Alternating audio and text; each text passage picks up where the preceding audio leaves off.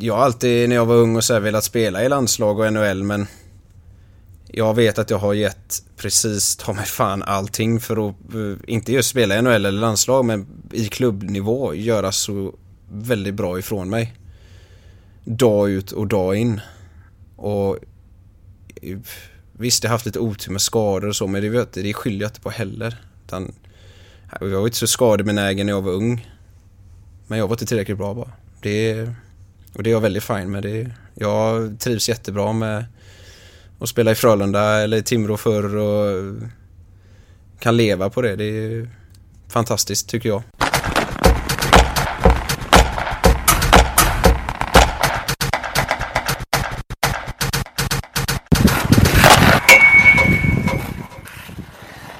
NordicBets intervjupodcast Teker här. Det är jag, Mårten Bergman, som pratar som vanligt och i avsnitt, av, avsnitt heter det, nummer 15 som är idag så har jag träffat eh, Frölundas Anton Axelsson som mycket passande spelar eh, finalspelet mot Skellefteå nu och när den här podden kommer ut så kan Frölunda avgöra den finalen och vinna med 4-1 i matcher. Den här intervjun spelades in för ganska länge sedan, eh, närmare bestämt i slutet av december. Men fortfarande aktuell med tanke på att det är mycket prat om Antons svåra skador och ganska många tidlösa saker. Han berättar bland annat om just skadorna han haft genom åren, ungdomsåren i det succéfyllda ungdomslag som Frölunda hade då hur mycket han gillar att eh, träna och alltid eh, ge sig de bästa förutsättningarna även om det kanske inte alltid har varit till hans fördel då han har velat spela och offra sig i alla lägen. Han berättar också om hur det är att ha växt upp med en storebror som är NHL och landslagsstjärna, hur det var att spela med honom och hur han har lackat ur på honom på träningar ibland när han inte tycker att han har tagit i så som Anton eh, gör. Och Sen berättar han förstås hur stor drömmen är att vinna SM-guld med sitt Frölunda och hur han gärna spelar i föreningen resten av karriären. Om ni tycker att det är ett litet abrupt slut på den här podden så är det för att det är det. Jag vet inte riktigt varför det blev så, men någon teknisk miss gjorde att de två sista frågorna inte kom med och intervjun eh, bryts eh, bara mitt i kan, kunde tyvärr inte rädda det och jag hoppas att ni har överseende med detta och ändå tycker att det är ett bra samtal. Men nog ordat, nu går vi över till, eh, eller går tillbaks till Göteborg, Göteborg den 18 december. Men nog ordat, nu går vi tillbaka till den 18 september och Frölunda Borgs, alltså man kallar det uppehållsrum. Anton Axelsson, mycket nöje.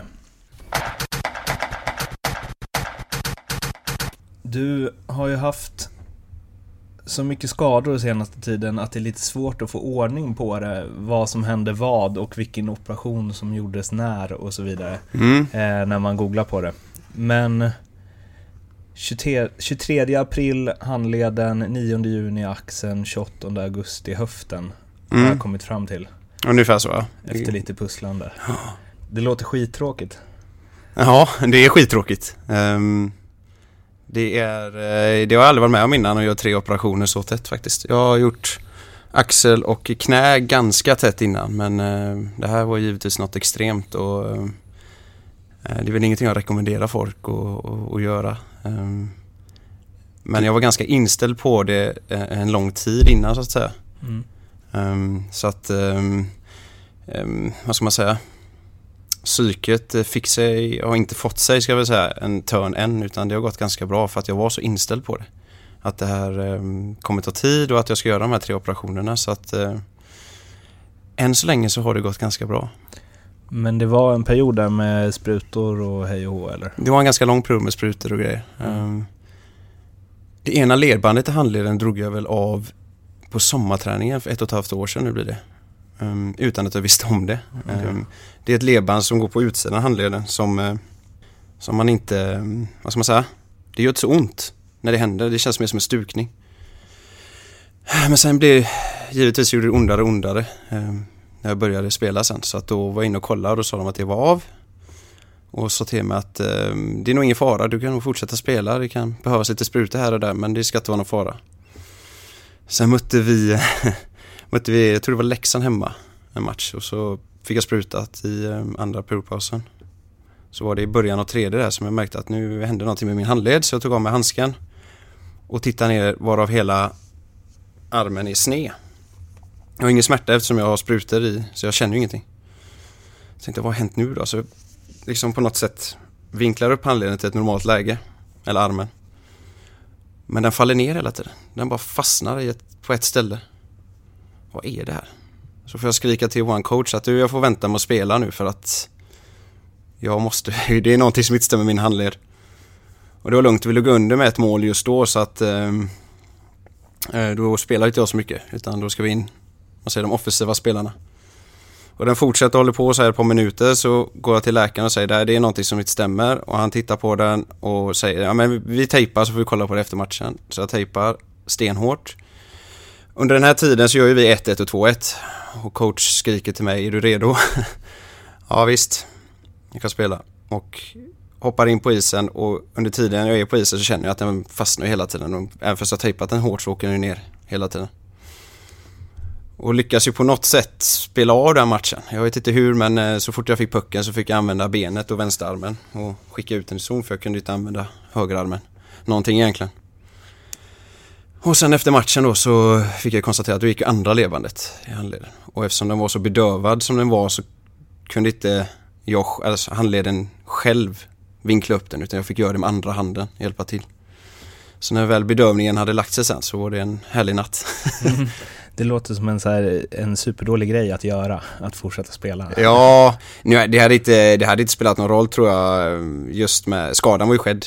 Mm. Um, sen kan man ju Undrar om det kanske hade varit bättre att spela någon annan än just mig i det läget, men eh, besluten tas ju ganska snabbt där av ledning och, och spelare så att eh, han frågade om jag kunde köra, jag svarade ja, då det är klart att tränaren tror på det jag säger. Och, så det var egentligen, det var mest dumt av mig att säga ja där. Jag kanske borde ha sagt Borde ha sagt nej, men nu vann vi ju matchen, vi höll ju undan och så men det kunde ju gått dåligt att jag kunde gjort något stort misstag där. Mm, Läste ett citat från eh, Frölundas hemsida som var men jag antar att det var liksom inför att du beslutade att det här blir en lång eh, rehab och nu görs operationerna. Där du sa att jag satt tyst i fem timmar och funderade över min framtid. Mm. Eh, domedags ja, musik så. i bakgrunden. Men liksom, mm. eh, var det så att du kände, eller att du hade spelat så länge på sprutor och så vidare, men att det inte funkade längre, att nu måste någonting till liksom, och nu gör vi en renovering här? Mm. Det, det Ja, vi skulle möta Djurgården borta, kommer jag ihåg. Vi skulle åka upp dagen innan med buss. och så eh, var vi här på morgonen, vi hade mycket skador. Um, var på tränarna och läkaren frågade mig om det känns okej okay att spela på sprutor igen en match till. Jag säger att ja, det, det går bra men jag har väldigt ont nu. Mm. Och läkaren eh, säger till mig, men det är lugnt jag sprutade på vägen upp så har du en skön bussresa. Ja, det kan vi göra. Så jag, han sprutade mig på vägen upp. Eh, eller han sprutade mig här, men på vägen upp kändes det bra. Kom upp till hotellet. Gick ändå okej. Okay, käkade smärtstillande och grejer. Och var inte med på någon morgonvärmning dagen efteråt. Utan låg bara på hotellet och sen match. Um, och då hände ju det då som var inne på innan här, som kunde ha hänt matchen innan, eller några matcher innan. att Då var handledningen så pass dålig så att då var jag direkt orsak till ett mål bakåt. Och då vann Djurgården med 2-1. Det var deras vinstmål. Och um, jag blev väldigt besviken på mig själv. Uh, att jag var orsaken till målet. Även fast det fanns orsak till det så blev jag ändå besviken att jag inte lyckades få bort det målet. Eftersom det är mitt jobb. Och då eh, hade ju axeln gått ur led på gånger innan. Min höft var dålig. Jag hade också konstaterat att den skulle behöv, behövas opereras. Så att eh, då satt jag i bussen, satte på mig hörlurarna, lyssnade på något som du sa där, domedagsmusik. Och bara funderade vad, vad är det jag vill med hockeyn? Vad är det, är det värt det här? Ehm, och spela så skadad. Massa olika grejer att fundera på. Bara satt helt för mig själv i fem timmar hem där och funderade på allting egentligen. Och det var väldigt skönt då. För innan hade allting bara gått i ett egentligen. Jag, jag spelade skadad många, i stort sett alla matcher förra säsongen då. Um, så jag behövde den, de fem timmarna. Um, ja. Har det, har det gjort dig till en sämre hockeyspelare att du spelat skadad? Ja, förra året gjorde det nog det. Ehm, det tror jag nog. Ehm, jag hade garanterat förhindrat det målet Djurgården borta där om jag inte hade varit skadad. Så att ehm, nu vet vi inte. Vi får ju se nu om ehm, hur de här skadorna har ehm, påverkat eh, min framtid som hockeyspelare. Ehm, jag tror inte, det känns inte så just nu. Det känns som att det, ska, att det kommer bli helt, helt bra. Hur länge har du spelat liksom inte hundra? Mm. Det var egentligen hela förra säsongen. Hade jag inte en match där jag var 100. Säsongen innan var jag, var jag i stort sett 100 hela säsongen. Sen har jag haft tidigare säsonger när jag var i Timrå när Axel gick i led. Um, ledband i knät som hade gått att spela ändå och grejer. Det hade också väldigt mycket skador så att um, ibland fick man bita ihop och spela då när vissa andra inte ville. När eh, gjorde du din senaste match? I... Jag var med någon, eller några av Växjö-matcherna i semifinalserien där. Men då spelade jag bara något boxplay här och där. Så att um, början av april var de. Och eh, nu när vi sitter här så är det alltså den 18 december va? Mm.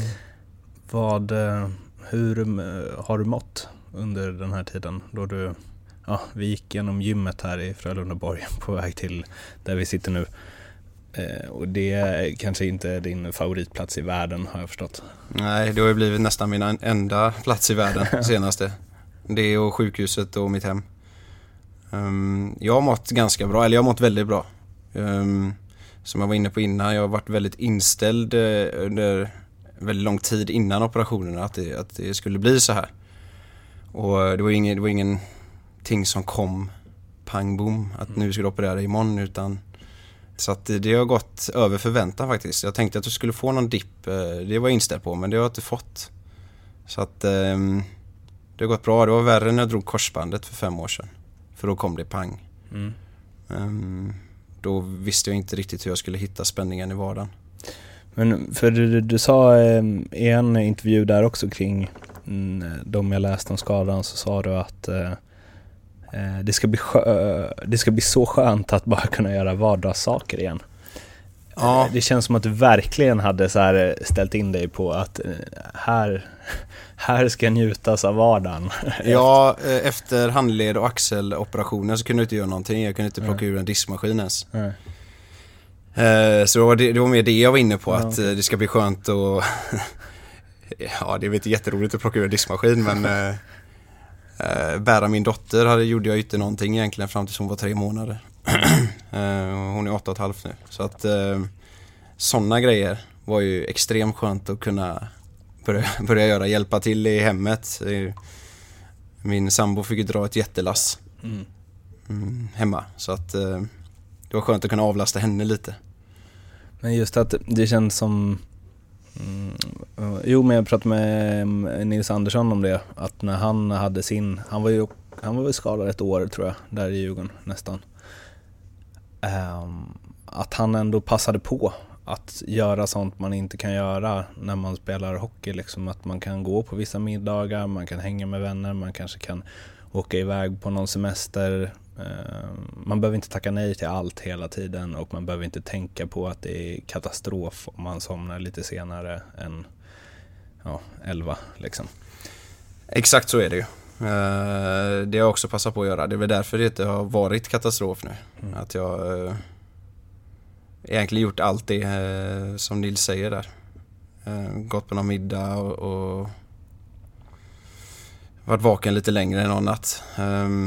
Um, var iväg, eh, min sambo är från Timrå så passade på att åka upp dit i september, oktober där, någon Mm. gång. Ehm, Så att jag har eh, fått gjort en del.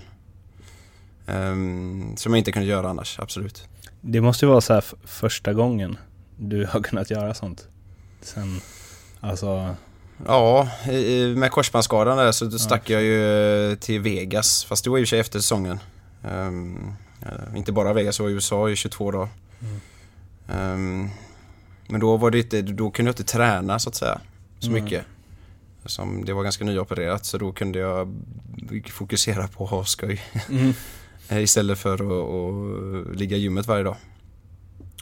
Ehm, men nu, eh, ja, det har inte blivit sådär jättemycket grejer. Det har, det har spenderats väldigt mycket tid i gymmet, det måste jag säga. Ja, det har det. Ja. Kommer komma tillbaka bättre tränad än någonsin? Ja, det gör vi väl alltid hockeyspelare. Ja. Vi är väl alltid bättre tränade varje år. Så att... Och det har aldrig varit så bra sammanhållning i laget? Nej, precis. Hur har du utvecklats som, jag tänker att man kan vara på olika sätt när man är vid sidan av. Att liksom Um, om man ska generalisera lite, om man blir skadad när man är väldigt ung så kanske man har mer fokus på sig själv och blir stressad och att man vill komma tillbaks och så vidare. Att man inte ska tappa för mycket och så. Uh, och jag tänker när du liksom är i den här åldern, att man kanske har andra värden i livet och att man vet ungefär hur långt man kan ta sin hockeykarriär och man kanske är mer realistisk liksom, i synen på sig själv och man kanske också vill bidra mer till ett lag. Liksom. Eh, men hur som helst, din, ut, liksom, din utveckling, är du bättre på att vara en skadad spelare nu? Än det är jag absolut. Ja. Jag lärde mig mycket från eh, tidigare operationer. Eh, hur jag skulle hantera vardagen då. Uh, sen är det som du säger, man, man, man inser ju att hockeyn är varar inte för alltid. Uh, jag hoppas givetvis kunna spela många år till men jag har inse, eller insett att uh, en dag kommer det ta slut. Det hade kunnat ta slut nu. Um, men det kommer det inte göra. Um, ja, framtiden att sticka till olika andra ligor den är väl som bortblåst. Det var den väl lite innan med. Eh, men nu är det ju verkligen bortblåst. Jag har inga, eh, inga direkta mål längre. Mer än att spela hockey. När man väl spelade hockey innan då hade man ju mål kanske med göra visst antal poäng eller vara si och så i, i, eh, i boxplay, att man inte skulle släppa in några mål där och sådär. Nu har man ju med mål att bara hänga med i en hockeymatch. Mm. Eh, bidra på det sättet. Så det känner igen mig väldigt mycket i det du säger där att eh, bara, bara få bidra i ett lag. Eh. Uppskattar du hockeyn ännu mer när du är skadad? Eller liksom så här... Typ att jag kollar mer på matcher eller? Nej, jag tänker mer så här att man eh, eh, vad är det man brukar säga, man förstår inte vad man har förrän man inte har det längre liksom. Ja, lite så är det ju. Um, det brukar jag väl säga till killarna här ibland att när de är lite nere efter att ha haft en jobbig bortaresa eller något eller någon förlust att men de är ju så inne i det. Det hade jag hade också varit skitsur eller trött eller någonting men uh, jag har frågat dem om de vill byta sits med mig mm. och då svarar de ganska snabbt nej givetvis. Mm. Så att uh, jo så är det också att man uh, inser att, eh, att vara hockeyspelare är ganska, ett ganska skönt yrke, ganska eh, väldigt roligt yrke. Ehm, att få uh, konkurrera med eller tävla eller något med andra lag varje dag nästan är det är någonting jag älskar. Alltid gjort sedan jag var liten. Det, det saknar jag något enormt kan jag säga att få se hur långt man kan gå som, som individ och, och som hockeyspelare. Um, det är någonting jag har uh, känt sedan barnsben. Du sa att uh, ja, det kommer inte ta slut nu. Har det varit så, alltså har de tankarna funnits att skadorna varit så allvarliga att liksom uh, ja, men att det har hotat karriären eller i alla fall elitkarriären liksom? Um, jag nästan ett år sedan så en kille som heter Ante Jussiniemi här som har gjort många mm. år i Frölunda. Som jag spelar ihop med här. Han var här, han jobbar för finska förbundet eller något ishockeyförbundet på något sätt och han var här och gjorde en eh, ett litet besök för att se hur Frölunda jobbar och så vidare. Och då frågade jag om hans karriär lite hur sista åren var och då fick han ju avsluta karriären med exakt samma skada som jag nu opererar. Den handledsskadan då. Och då blev man ju lite, oj. Mm. Um, så det är klart att då börjar man ju fundera att är det, vad är det här för typ av skada? Jag hade inte hört så mycket om den. Um, mer än att det är en väldigt ovanlig skada bland hockeyspelare. Um, det är mer en, uh, en motocrossförarskada då. Um, så att uh, då blev jag faktiskt lite, då började jag fundera, är det, så här allvarligt. Och då frågade jag läkaren och han sa att det finns en viss risk. Ja. Men eh, nu gick operationen bra och det känns bra nu så att nu vill jag faktiskt inte tänka så mycket i de banorna utan eh, det är väl då någonting jag lärt mig att ta dagen som den kommer. Mm. Att blir det så att jag måste sluta för sån här skada, då blir det så. Då är, då är det så. Men det är ingenting jag kan fundera på nu om jag måste sluta om två år för den här skadan eller om ett halvår eller om fem år. Det, det får jag ta då. Mm. Finns det några av de här skadorna, alltså jag tänker eh, att du kan få men efter hockeyn som kommer påverka dig i livet, liksom att det blir svårare att göra saker? Det kommer det bli. Jag har ett finger som, eh, ja nu ser ju inte tittarna mig men jag kan ju inte böja fingret då. Mm. Det är en gammal skada. Ehm, mitt korsband är ju inte helt bra. Jag har lite svår rörlighet i knät. Eh, min handled kommer aldrig bli samma rörlighet igen. Eh, min axel kommer aldrig bli samma rörlighet igen. Så att eh, ja, jag kommer ha men för resten av livet för de här grejerna. Kan man inte... Eh, nu är ju mm, i, enligt mig ångest ett ord som överanvänds lite. Eh, men eh, det känns som, som att det är någonting man kan så fundera på kanske ibland. Det har faktiskt kommit upp i huvudet då och då. Att, att liksom, hur blir det när jag är 45? Hur blir det när jag är 50? Kommer jag kunna lyfta någonting över huvudet?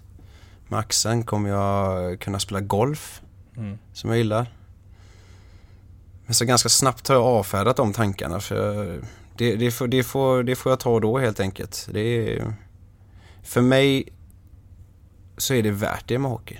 Mm. Det kanske låter konstigt för många men för mig är det värt det. Annars hade jag ju slutat om jag inte hade tyckt att det var värt det.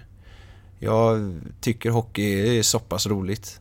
Mm. Så jag kommer spela tills jag inte får antingen av läkare eller av att jag inte platsar då helt enkelt. Att jag är för dålig. För att det där är ju verkligen något eh, som ofta kommer upp, eh, tänker när man diskuterar löner och hur mycket eh, idrottsmän och kvinnor tjänar liksom. Mm, att ja, men karriären varar inte för evigt och så. Mm. Eh, och eh, då kan man väl känna i vissa fall när spelare tjänar 50 miljoner om året att nej men det, det räcker fortfarande med en årslön då för att eh, man ska trygga upp framtiden. Men liksom när man tjänar, jag vet inte vad snitt SHL-lönen ligger på. Nej, jag har också dålig koll. måste väl vara runt 60 eller något kan jag tänka mm, mig. Något sånt kanske. Um, alltså vad man offrar i förhållande till alltså dels att man inte hinner någon annan utbildning under tiden. Men också att eh, det kan ju, ja, i alla fall små käppar i ett vardagligt hjul efteråt. Liksom. Det gör det ju. Um, jag fick ju hoppa av sista året på skolan. Eh, bland annat för att det kändes som det var nu eller aldrig med hockeyn och jag tänkte plugget kan jag på något sätt ta igen sen med den här chansen jag har, hade då med, med Frölunda. Den kanske inte kommer igen. Och då valde jag att hoppa av sista året på skolan för att uh, ja, vara med i A-laget och träna så att säga. Mm. Um, för mig då var det ju inget svårt beslut. Nu, uh, nu, efteråt så hade jag fortfarande gjort samma beslut men jag förstår ju kanske mer nu vad det är jag har missat. Mm. Och vi tjänar väldigt bra pengar men uh, så som skatterna är i Sverige och allting så blir det inte så mycket över ändå som kanske många tror att det blir. Um, så att det, är ju inte, vi sitter ju inte det kanske är fyra, fem, sex stycken som kan, kan luta sig tillbaka efter att ha gjort en SHL-karriär men mer är det inte. Mm. Så att um, det är per, inte fotbolls, liksom, lite Zlatan-löner eller, nej inte ens per lag skulle jag säga, per, alltså i hela SHL ja, skulle jag säga. Mm. Som kan luta sig tillbaka efteråt, det är inte mer än så. Um, även om jag tjänat de pengarna så att jag lutar mig tillbaka ändå för jag skulle bli alldeles för rastlös. Mm. Hur, eh, om du hade varit en luta dig tillbaka person, mm. hur länge hade du kunnat luta dig tillbaka efter karriärens slut? Om den fortsätter tills mm. 35-ish. Ett halvår kanske. Så pass alltså? Jag hade inte kunnat luta mig tillbaka mer. Okay.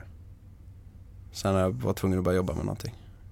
Jag är alldeles för rastlös. Um... Men om man ser det rent ekonomiskt liksom? Och, Jaha, du menar om jag skulle slutat nu, hur mycket jag kan luta mig tillbaka? Ekonomiskt sett. Oj. Och då pratar vi ba, bara det du tjänat på hockeyn, inte något sidosysslor eller något liksom. Då är jag med på din fråga. Ehm. Oj, det vet jag inte. Det beror på hur mycket jag sparar men uh, några få månader. Är det så? Mm. Det trodde man ju inte. Nej. Sen lägger ju, hockeyspelare lägger väl undan en del också i pensionssparande. Mm. Men de får man väl inte ut förrän pensionen? Nej, det, vi har flera olika. Vi har en, eh, en som man kan börja ta ut när man har fyllt 35. Men så är jag lite osäker på eh, hur den fungerar exakt. Och en som man kan, som är en riktig pension då när man, när man blir pensionär så att säga. Ehm, det är klart jag har lite undanstoppat där men det är ingenting jag kan. Det är bara en, en liten ehm, ett par extra tusenlappar i månaden jag får extra i ett antal år. Mm. Mycket mer än så är det inte. Förutom att eh, bära din dotter och tömma diskmaskinen. Eh, vad har du gjort eh, när du inte kunnat spela hockey? Vad har jag gjort? Förutom att gymma. Jag, förutom att gymma, ja. Jag har ju en del tid över, så är det ju. Man kan ju inte gymma, man kan väl gymma en hel dag, men då blir det ganska mycket kvantitet. Ehm, jag eh, har väl lite sidoprojekt som jag har passat på eh, att starta. Eh, Eller det är inte jag som har startat dem, det är kompisar som har startat dem, men som jag har ägnat lite tid åt på eftermiddagarna. Och det ena är ju Hamilton Beach, heter det. Det är ett eh, småelsföretag som kommer från USA från början, som är jättestort i USA. Man kan väl likna det med OBH Nordica. Säljer ungefär samma produkter så vi stor konkurrent till dem. Um, varit med och tagit in det i Sverige och försöker nu lansera det så mycket som det går. Ehm, Vad är din eh, roll liksom? Vad gör du? min roll är ganska liten eftersom jag ändå är väldigt mycket i hallen. Och eh, hockey är nummer ett och kommer vara nummer ett för mig. Um, tills den dagen jag lägger av. Och det är mina polare väl medvetna om så att då är min, eh, min roll ganska begränsad. Men det är... Prata... Jag har väl en del kontakter via hockeyn som jag kan prata med och så vidare. Ehm, så lite små grejer. Lite mail, lite samtal om dagen kanske. På sin höjd. Är brorsan också med i det? Brorsan är med i just den grejen. Mm. Sen har jag en annan intressant grej, DNA-test. För att optimera sin... Ja, det är ju 15 olika tester eller någonting så att det är... Eh, det beror på vad man är ute efter men det finns ju ett eh, med kost då bland annat. Mm. Så man får se vad just din kropp tar upp bäst. Mm. Ehm, kan finnas en med sjukdomar, vad du har anlag för att få för sjukdomar. Eh, som jag tycker är väldigt intressant. Men så det man kan förebygga ehm, om du har anlag för eh, prostatacancer säger vi, hur man ska kunna förebygga att minimera chanserna helt enkelt för att få den. Nu är det ju nu är det så här att det är ju vad du har anlag för, inte att du kommer få det Mm. utan det är mer vad du har anlag för att kunna få. Du kan ju säkert leva med att ha anlag för någonting men du behöver aldrig få det ändå. Mm. Ehm, men det tycker jag är intressant. Sen är det väl vissa som hypokondriker som kanske inte borde veta vissa. Då kanske de är med hos läkaren än, ehm, än i hemmet. Så att, eh, men jag tycker det är, sånt är väldigt intressant hur man kan optimera eh, saker och ting. Men är det vänner som driver något där också? Som du är Jajamän. med på? Mm. Okej. Så att um, Bägge, eller Hamilton Beach är väl, eller har väl funnits i Sverige i ett drygt år. Eh, Det är en av mina närmsta polare som var med fick licensen i Skandinavien. Och eh, DNA har jag väl varit med på sedan i somras. Okej. Så att ehm, det är två väldigt intressanta grejer som är kul att kunna göra lite, eller hjälpa till då på eftermiddagar och sådär. En eh, bild man väldigt lätt får, som jag också tror stämmer i väldigt många fall, när man eh, eh, snackar med fotbollsspelare eller hockeyspelare, är att eh, det är mycket Fifa, NHL och fika. Eh, Mm. Och tar man upp en, eh, en bok på bussen så undrar folk vad som händer. Eh, ja, så är det lite faktiskt. Jag spelade faktiskt en del tv-spel förr, men eh, nu var det länge sedan. Eh, speciellt sedan jag fick barn. Har väl inte det hänt en gång, tror jag. Um, och innan det var det knappt heller. Uh, man värdesätter ju andra saker i livet än mm. att, att spela tv-spel.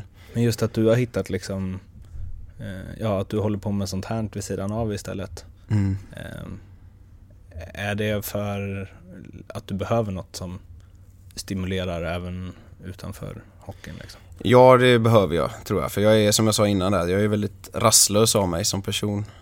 Mm. Visst, det kan vara skönt att lägga sig på soffan en halvtimme ibland men sen eh, behöver någonting hända. Mm. Och innan, eh, innan jag träffade min sambo så var det alla andra i laget hade ju sambo så jag hade väl ingen att umgås med när jag spelade i Timrå. Mm. Bland annat, så då var det ju tv, eller ganska enkelt med att koppla ihop tv-spelet och köra igång. Mm. Eller gå och fika. Mm. Men eh, så är det inte riktigt längre utan eh, nu eh, först när man träffar sambo så eh, med allt vad det innebär.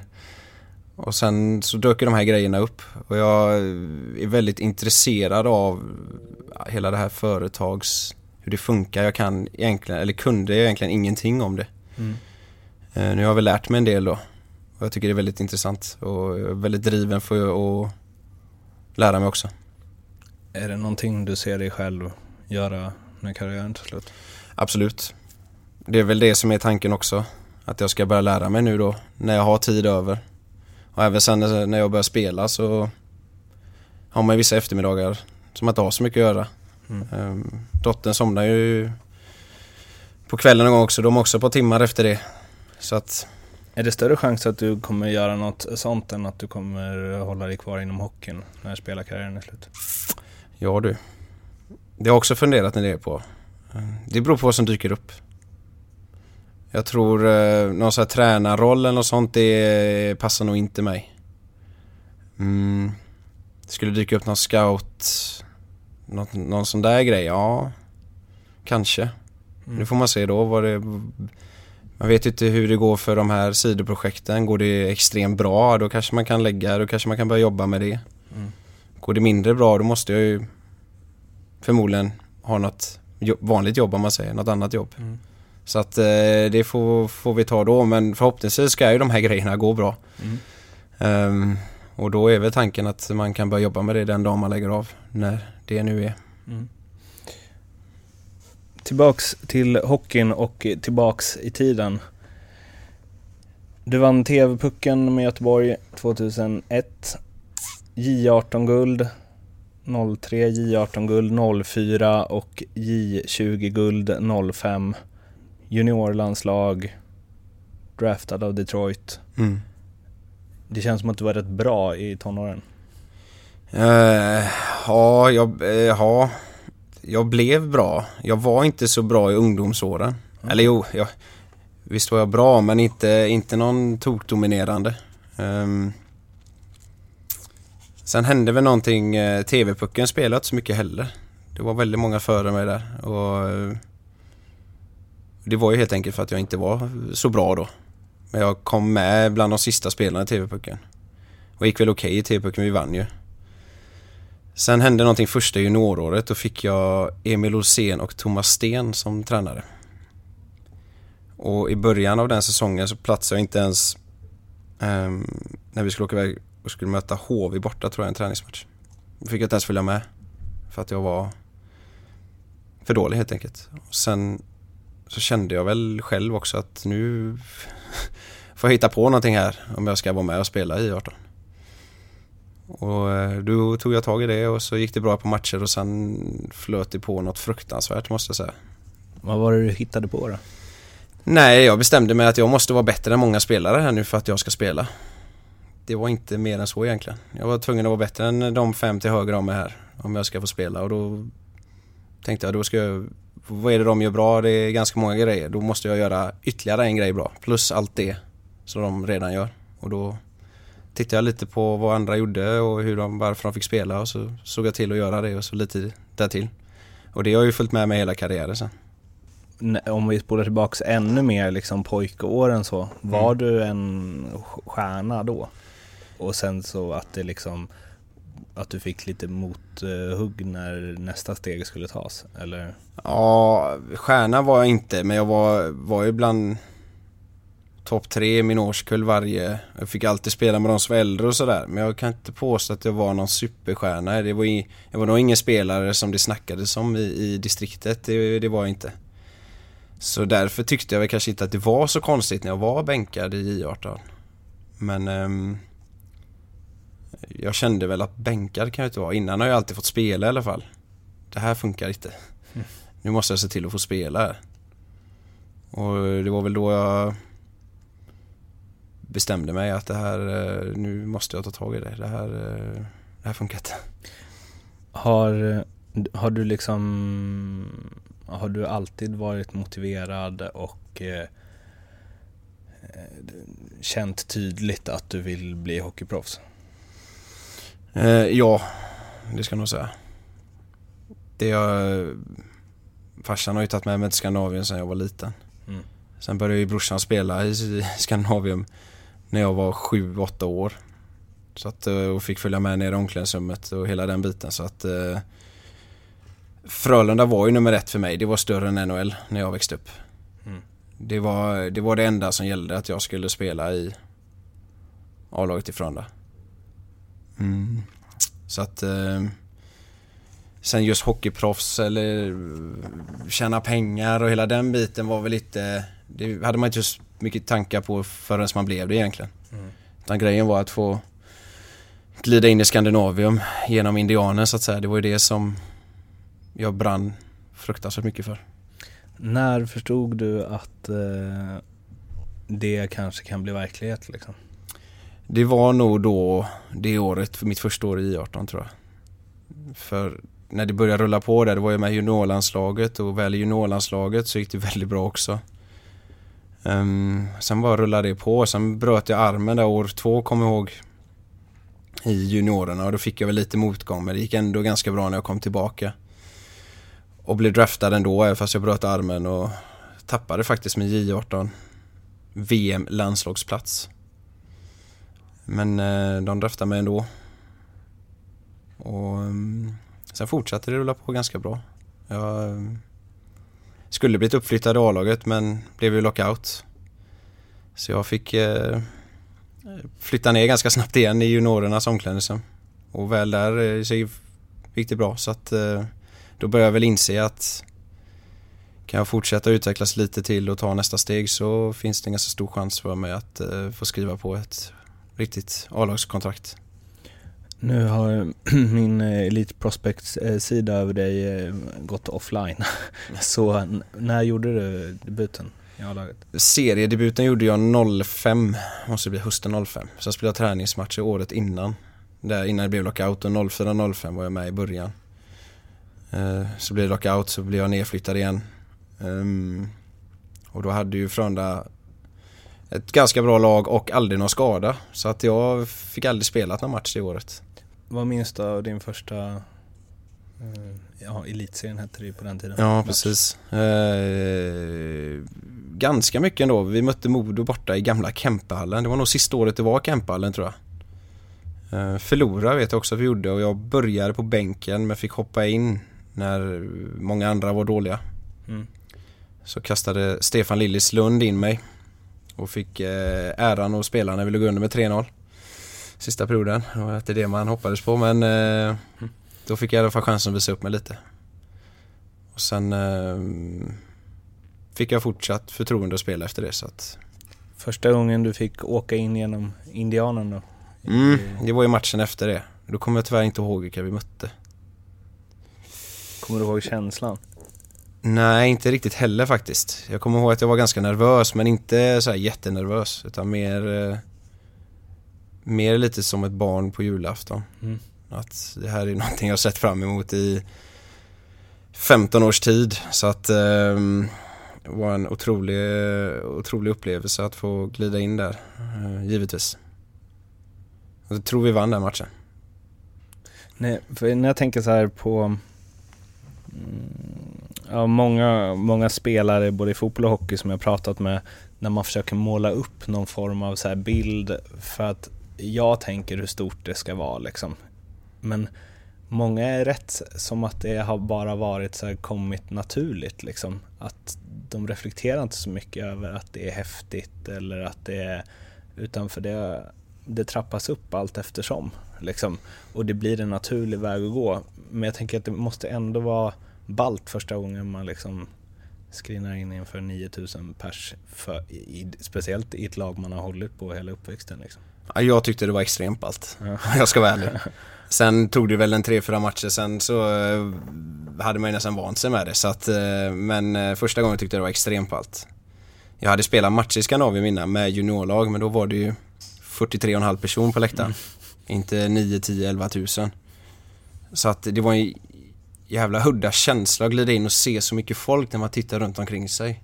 Mm. Jag hade bara suttit på läktaren innan och tittat ner. Jag har aldrig liksom stått på isen och tittat upp och sett så mycket folk. Så det var, det var något nytt. Då kände jag mig nästan lite liten när man kom ut där. Oj, oj, oj. Mm. Uh, så att jag, nej jag tyckte det var grymt. Hur är det att liksom göra mål inför dem då? Tänkte du om första målet ja. ungefär? Ja, första målet eh, blev ju ganska snyggt. Eh, en dragning och ett klassiskt skott i krysset. Så att det blev ju lite väl snygg, snyggare än vad jag brukar göra. Ja. Mina mål. Eh, sen kommer jag inte ihåg eh, exakt hur känslan var. Jag har sett det målet i efterhand ett par gånger. Mm, men just känslan då kommer jag inte ihåg riktigt. Jag tänker bara så här, när, när så många folk jublar. Det är ju någonting som, så här, som ingen någonsin lyckas förklara nästan. För oss som inte får vara med om Nej, jag tror inte jag kommer heller kunna förklara det. För att det typ inte går, antar jag. Nej. Nej, nu har det, det blir ju på något sätt, det är ju mitt elfte år nu, jag kommer börja här snart. Mm. Uh, det är också en vanesak på något sätt de gångerna man tänker på är det väl kanske när man spelar träningsmatch och gör mål och man hör ett par uh, hundra personer som reagerar bara mm. istället för ett par tusen. Mm. Um, nej, svårt att förklara. Saknar du den känslan? Ja, det gör jag väl. Um, jo, det gör jag. Jag saknar att vara på isen och, och känna atmosfären, det gör jag. För det är många mm, eller det har varit lite snack om det ju senaste året, lite längre kanske att, ja men allt eftersom um, det var några före detta slagskämpar i NHL liksom som tog livet av sig och så. Mm. Um, nu kanske det hade med en annan del av det också att göra, att de slogs mot sin vilja liksom under så många år. Men också det här när rampljuset släcks, liksom. Att det blir en himla tomhet.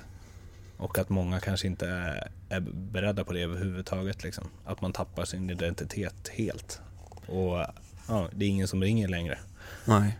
Um, jag tror att många som um, har spelat i NHL, um, ehm, om vi nu pratar hockeyn då, som har tjänat uh, enorma summor som kan sluta och luta sig tillbaka.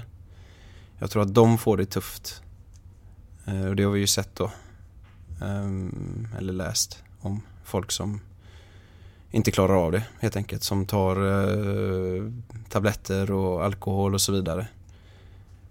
Ehm, jag hör ju mer sådana historier där bortifrån än här och det är väl eh, för oss, vi måste hitta ett jobb ganska snabbt och då kommer vi in i vardagen igen.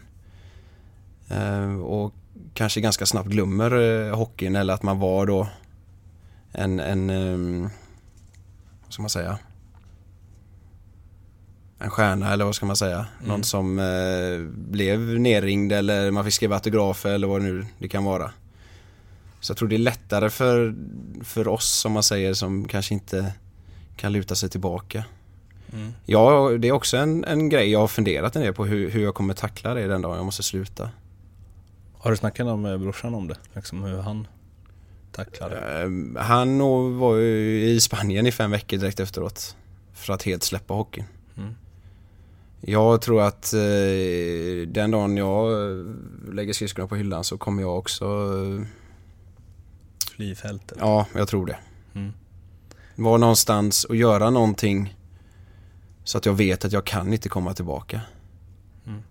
Um, äta dålig mat och dricka eh, Massa bärs. Ja, massa bärs och vad som helst för då vet jag att då kan jag inte ta mig tillbaka. Mm göra någonting som gör att man glömmer hockeyn helt eh, många veckor för att sen komma tillbaka och liksom verkligen, verkligen slutat med det och kan säkert tänka mig att han satt i ett rum också i ett par timmar där nere i Spanien och bara fundera också. Eh, nu har jag verkligen slutat.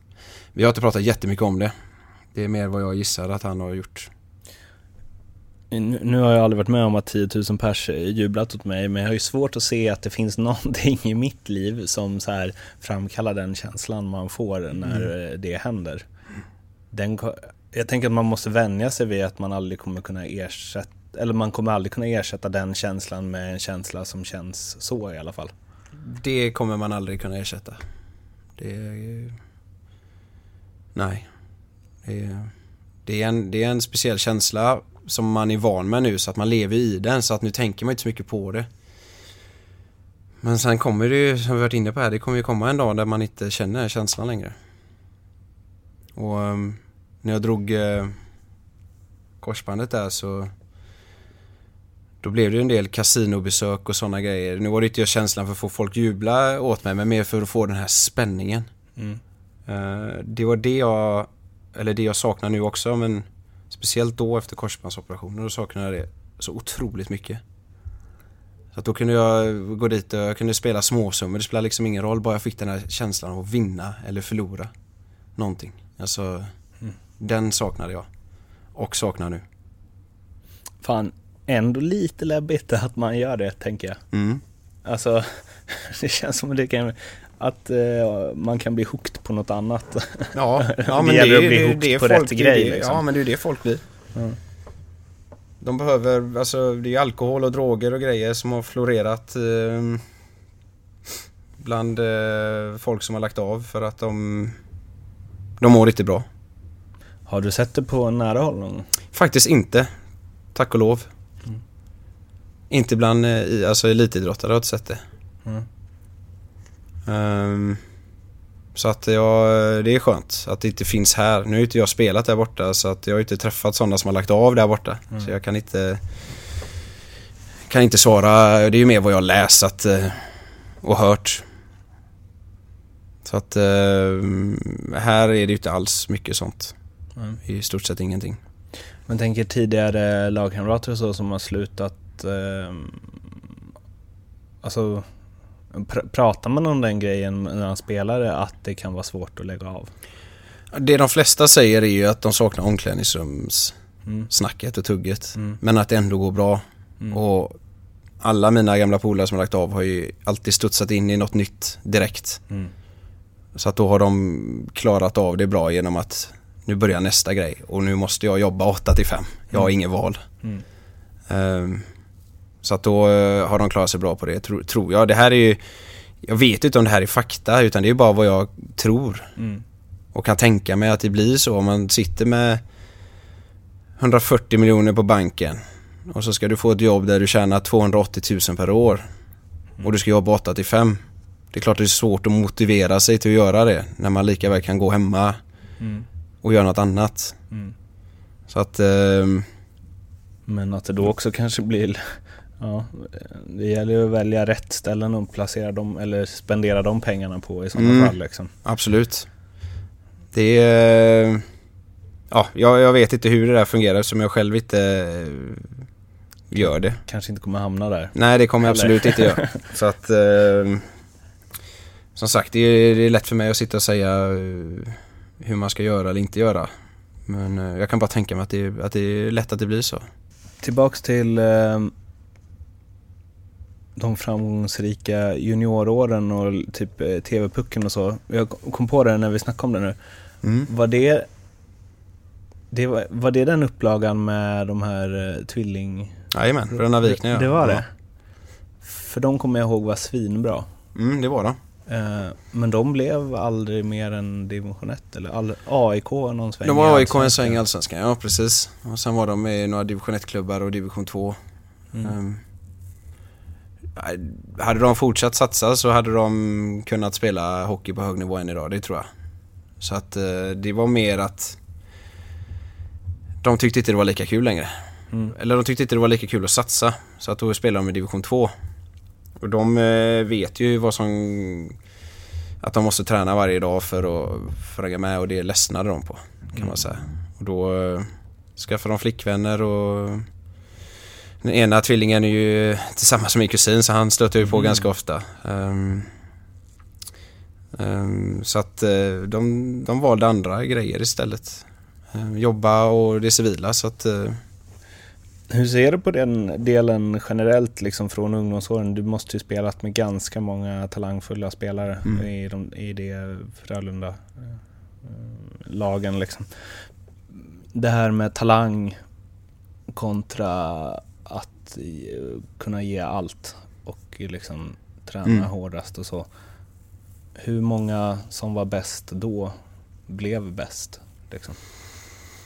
mm, ganska många ändå. Louis Eriksson är väl ett exempel. Som Mm. Sebastian Karlsson Mm. eh, har haft en, en väldigt bra karriär.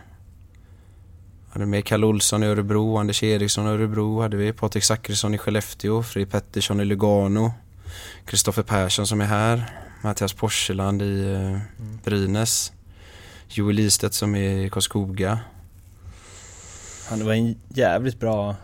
Vi hade ett par Årgång, årgångar där, nu, nu pratar jag på tre årgångar här, nu är Ja. jag på 85, 86, 87 här nu. Um, det är laget som Patrik vann. Karlsson. Patrik Karlsson som är här. Robin Fligren som jag född 88 var ju en supertalang då och var även med och nosade med oss redan när han var 16 år. Var Ritola nere en sväng och lirade med också? Han var nere eh, en säsong bara, Ja, eller en och en halv. Sen flyttade han tillbaka till Leksand. Så han var också här. Sväng. Hade vi mer? Ja. Ja, vi Det är hade... extremt många ändå som har Ja. l- lyckats. Det är det. Men var, var det så, skulle man kunna säga att det var liksom de tio som var bäst då som blev de tio också? Mm. Skulle jag säga. Det är bröderna Wikner kanske också som, de var väldigt bra de med. De Mm. var, ja de var extremt bra junioråren. Ehm, men, ja. Det går inte alltid som man har tänkt sig kanske. Hur mycket ser du på dig själv, eh, talang kontra hårt jobb? För att du är där du är idag. En blandning. Men är det tror jag. 50-50 liksom? Ja. Ja, det tror jag. Det är svårt att, det är svårt att svara på. Jag har alltid jobbat hårt, det har jag. Det är någonting som farsan printade in i mig sen, sen jag var liten. Mm. Han har aldrig brytt sig om eh, resultat eller poäng eller... Utan han har alltid varit med att svikit till dina lagkamrater, jobba hårt. Mm. Ehm, samma sak om jag skulle jobba, att det hade varit... Han har aldrig lagt sig i hockeyn på något sätt, eller fotboll eller innebandy eller vad jag höll på med. Ehm, så att det, det, är väl, det är väl någonting jag är tacksam för idag, att han har...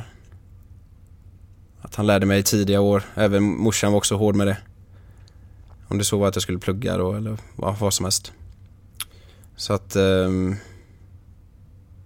det var länge sedan jag tänkte tillbaka till det här märker jag nu. Ehm, Men liksom uppfostran, att det var... jag har väl alltid prioriterat hårt jobb. Mm. Det har jag. Ehm, när jag var junior så min offensiv var ju på den nivån väldigt bra. Mm. Sen när jag tog steget upp till seniornivå så märkte jag väl efter ett tag att det är folk som är bättre än mig offensivt. Jag tycker jag har en del offensiva kvaliteter, det är bara det att det är folk som är som är ännu bättre. Mm. Och då eh, får man ju stå tillbaka i powerplay och sånt. Um, vilket jag inte har några problem med. Men hade de frågat mig om jag kan tänka mig att ta en roll i powerplay så hade jag aldrig svarat nej. Men när när man hör dig prata så känns det som att eh, du är så här verkligen eh, accepterat den roll som du har fått och försökt maximera den. Så är alltså det. sättet du pratar om att så här, eh, stoppa motståndarna från att göra mål Mm. är ju som en målskytt pratar om att göra mål. Mm. Jo, det, det, det har ju varit mitt jobb i stort sett 11, 11 år Mm. på, på den här nivån. Så att eh, det är någonting jag tycker om också. Ehm, det är någonting jag eh, har välkomnat. Inte bara för att brorsan hade det som jobb utan det är... Man, man finner väl sin roll på något sätt när man, när man är 20, 21, 22 där och så... tyckte väl jag att det var kul att, att jag bidrar till laget på något sätt. Det är ju det är ju en väldigt viktig del i, i ett lag att man har sådana spelare som klarar av att göra det. På absolut högsta nivå också. Jag har alltid sagt eh, när folk har frågat mig vad jag vill, eller tränare rättare sagt har frågat mig vad, vad jag har för mål med säsongen. Då säger jag alltid att jag ska vara landslagsmässig på det jag gör. Man blir inte uttagen i landslaget på det, det kan jag berätta. Men man vill ändå vara landslagsmässig i det jag gör. Vi har en, väldigt hög nivå i, i boxplay och i, i att inte släppa in mål bakåt. Eller vara orsaken till att släppa in mål bakåt. Där ska jag vara en extremt hög nivå. Det har jag som krav på mig själv varje säsong. Att där ska jag vara i topp. Mm. Tycker du att det är lika roligt som att liksom göra mål? Ja, det kan jag tycka. Mm. Det kan jag. Men jag tycker även om att göra mål. Och mm. jag eh, sticker gärna med i anfall givetvis och jag försöker alltid skapa någonting när jag kommer anfall så. Så att eh, jag har gjort en del mål genom åren också så att jag skulle inte se mig som en extremt defensiv forward utan mer en defensiv forward. Det, det är prio ett om man säger, första prioritering.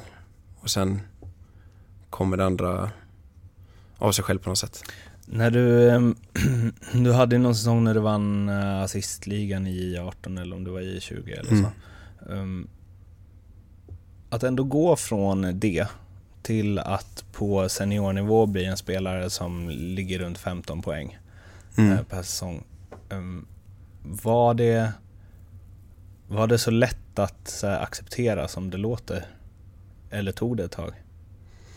Nej, det var ganska lätt att acceptera. Jag var väl medveten om att skillnaden från juniorhockey till seniorhockey är extremt stor. Så att jag visste eh, att det förmodligen, eller att det inte skulle bli lika lätt att göra så mycket assist på seniornivå. Mm. Det hade jag bra koll på.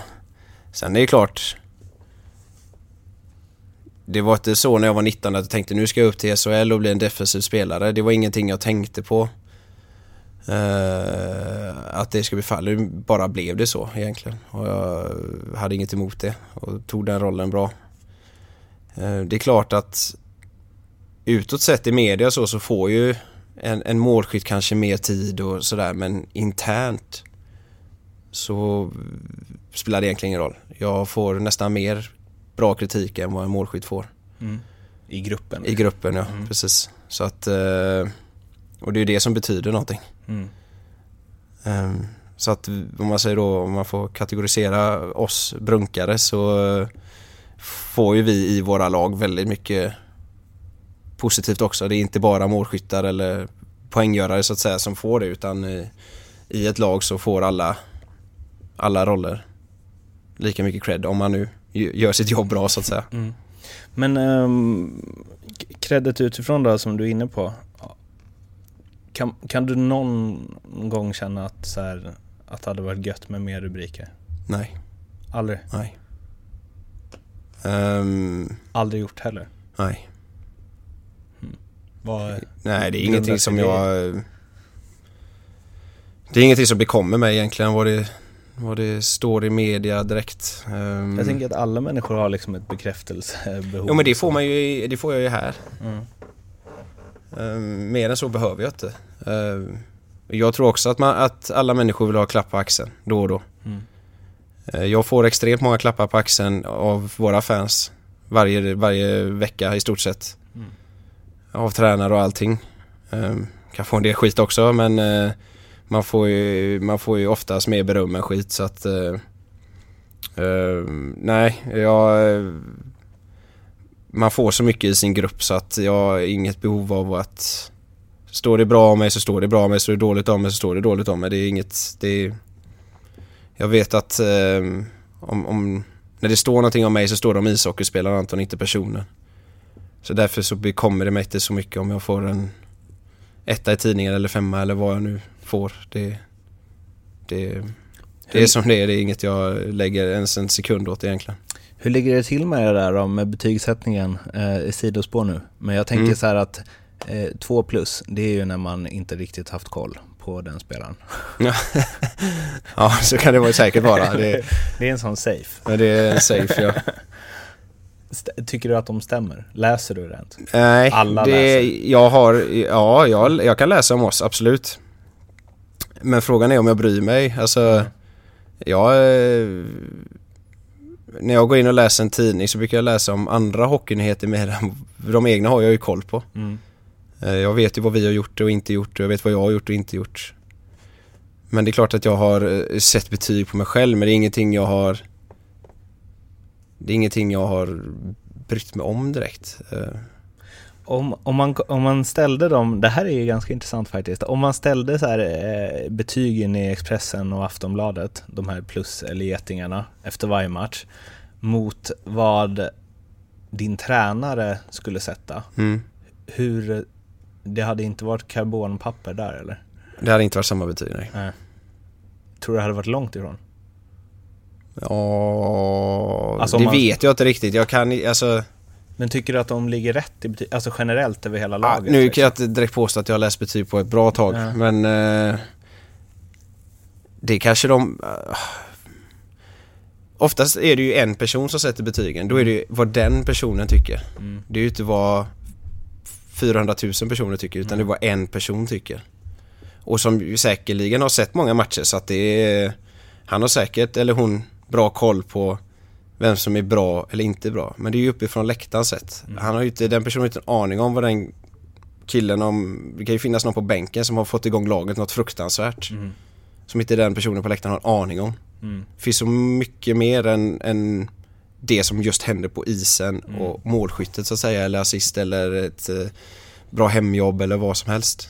Eh, eh, ja, så att det, det är så mycket mer än det.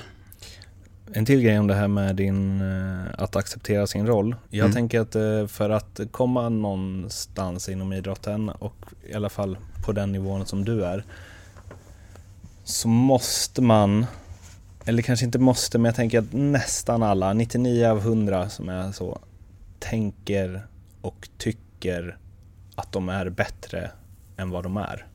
För att man måste ha, man måste tycka att man själv är bra. Man måste tro på sig själv så mycket och så vidare. Ehm, och att det är också kanske en grej som så här, att med åren att man inser mer hur bra man faktiskt är, vart ens tak ligger. Att du kanske nu liksom förstår att du kommer inte lira i NHL. Liksom. Intressant fråga. Eh, ja, det är... Jag tror också att det måste vara så att man, att man tror att man är lite bättre än vad man är. Eh, eller kanske mer att när man var 17 och 18 och liksom tittade på A-lagsspelarna och tänkte att det där kan jag med göra. Mm. Varför skulle inte jag kunna göra det? där? Mm. Det var nog mer så man tänkte. Nu när jag tänker tillbaka på det. Mm. För det låter som när du säger så att du kommer upp i A-laget, att du... Eh, att du redan då så här... Ja, ah, fan, alltså här finns det ju offensiva spelare som... Eh, jag vet inte om, om jag kommer kunna nå den nivån som Mm. de har. Det, ja, jag, jag tänkte väl att jag kunde nå den nivån men att det skulle ta lite längre tid och den tiden har inte Mm. ofta lagen och speciellt inte på den tiden. Jag vet inte hur många de värvar in istället för mig från därför. Ett par gånger där innan ehm, när jag var 20 där någonting. Jag hade tre matcher utan poäng. Ehm, och det är klart att jag var inte lika bra som Niklas Bäckström och de var då som tog det där klivet direkt. Mm. Och jag fattar väl ganska snabbt att det kommer ta mig något år innan jag gör det. Men den tiden har inte Frölunda eller Timrå att lägga. Utan vi ligger just nu nia i tabellen. Vi måste ha spelare nu som kan leverera nu. För annars så existerar kanske inte den här klubben. Mm. Och det köpte jag ju också. Mm. Så att Eh, då, det, är klart man börjar, det är klart att man blir lite Jag vet inte om realist är rätta ordet men man blir ju lite att så här, det kanske inte funkar för mig det här då. jag behöver något år med att spela offensiv hockey innan jag kan hitta Hitta det spelet så att säga till fullo. Men den tiden har ju inte någon klubb. Det är ju Det är ju ganska mycket pengar inblandade i, i eh, SHL och Ska man då riskera för att en spelare ska utvecklas lite Kanske hamna 9-10 då är det ett par miljoner back. Så att, ja det är en intressant fråga. Idag, vad tänker du att liksom, vad är ditt max? Hur Oh, långt kan det du gå? vet jag inte. Jag hoppas att jag inte har nått det givetvis. Jag hoppas att jag har väldigt mycket mer att ge. Jag vet att jag har mer att ge. Så Men det gäller ju att få ut det också och jag, det är svårt nu när jag har varit borta så länge att veta hur det drabbar mig. Ehm, vi har ju andra spelare också som tänker likadant som mig som också vill nå ut sin, sitt max. Som just nu ligger bra många steg före mig. Då måste jag förbi dem först och främst och så vidare så att Ja Jag vet inte vad mitt max är. Det, det är svårt att sätta en siffra eller något sånt på det. Eller något, någon liga eller det är jättesvårt. Om du hade fått eh, vara så pass skadefri att du kan lira liksom tills du är 37 eller något Mm. och att du gör hela den tiden i Frölunda och att Frölunda är framgångsrik under den tiden. Hade du varit eh, supernöjd med din karriär då? Ja. Hade Det du tagit det här och nu? Ja, det hade jag. Ja. Mm. Ja, det är ju väl egentligen det jag Det har jag brunnit för ända sedan jag var 19 men extremt mycket nu det är ju att få vinna SM-guld. Mm. Och här då. Det är mitt absolut största mål. Senaste SM-guldet, då var det ditt sista Ja, då var jag precis utanför år. det här laget. Ja. Ja. Mm. Så då eh, var jag inte med. Men du såg det ändå på nära håll? Det gjorde jag. Mm. Jag var med på festen efteråt också. Hur, eh, vad, vad gjorde du det med för känslor? Bara glädje eller fan vad jag hade velat vara med och lira här? Nej, då var jag så långt borta. Eller jag, jag var ju två skador ifrån, eller en skada ifrån. Så så långt borta var jag inte. Men jag hade ju inte gjort en match med, Mm. med laget. Så att det kändes extremt långt borta. Mm. Så där hade jag, och hade jag varit med så hade jag spelat tre minuter per match också. Så att det hade inte känts något. Plus att på den tiden så, vi vann ju varje år med juniorerna. A-laget hade ju vunnit två år innan, vann då igen. Vi gick till final mitt första år som senior. Då var det ju mer När kommer vi vinna? Är det ett år eller är det två år? Mm. Det var inte att det skulle Jag tror aldrig det skulle ta tio år Eller mer nu då Mm. Tills vi kommer vinna igen Ehm, Jag höll på att slänga silvermedaljen när jag fick den När vi åkte, eller åkte ut, när vi förlorade mot Färjestad i finalen 06 För jag tänkte vi vinner nästa år, det är inga problem Då ehm, Det var så mycket framgång då så att eh, man tappar nästan ödmjukheten Mm. Var det 2010 som ni kom nia? mm, Eller Två- 11? Ja, 11, 10-11 säsongen. Det var mitt sista i Timrå.